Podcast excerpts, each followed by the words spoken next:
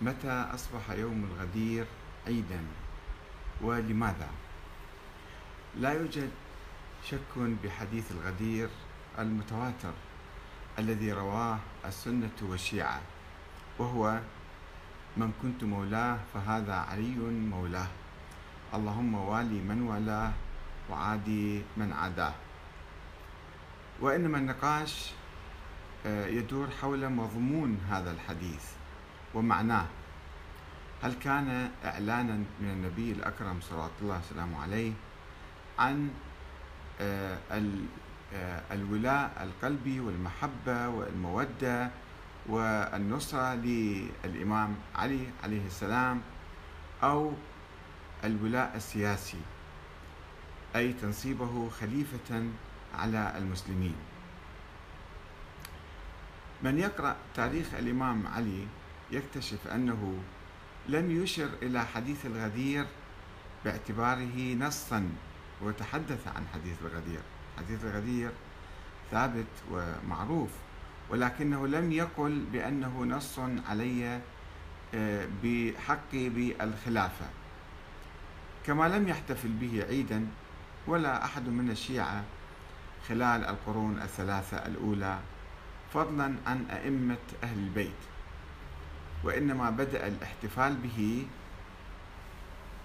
عفوا. وإنما بدأ الاحتفال به آه، كعيد للولاية السياسية والخلافة في العهد الفاطمي والعهد البويهي في القرن الرابع الهجري. نكاية بالعباسيين ومحاولة لسحب بساط الشرعية السياسية الدينية التي يدعونها منهم وإسقاط نظامهم. كان هناك معركة بين الفاطميين الذين كانوا يقولون بأن آه، الحق بالخلافة هو حق للإمام علي وباعتبار باعتبارهم هم ذرية الإمام علي. فكانوا يقولون نحن أولى بالحكم من العباسيين.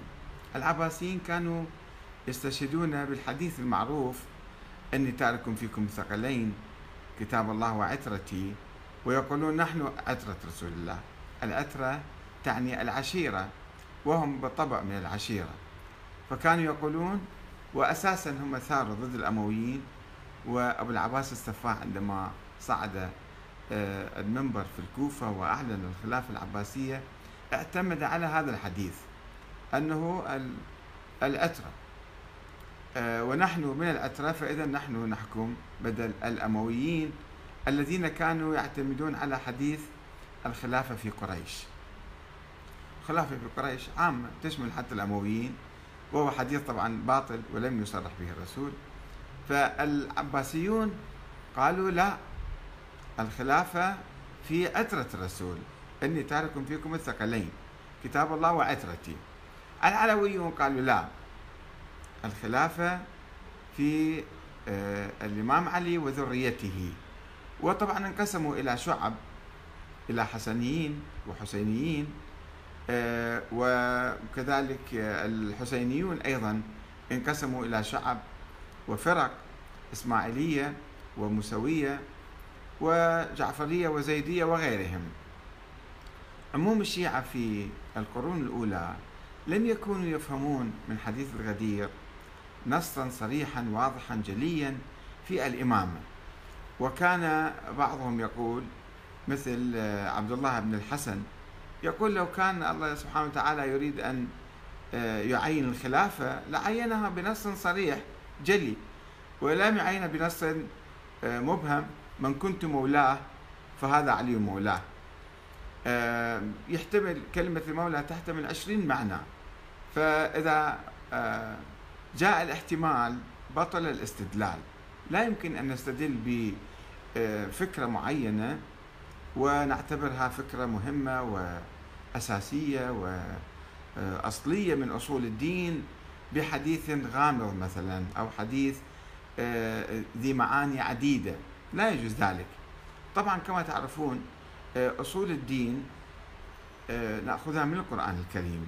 أركان الدين من القرآن الكريم سواء في العقيدة أو في العبادات.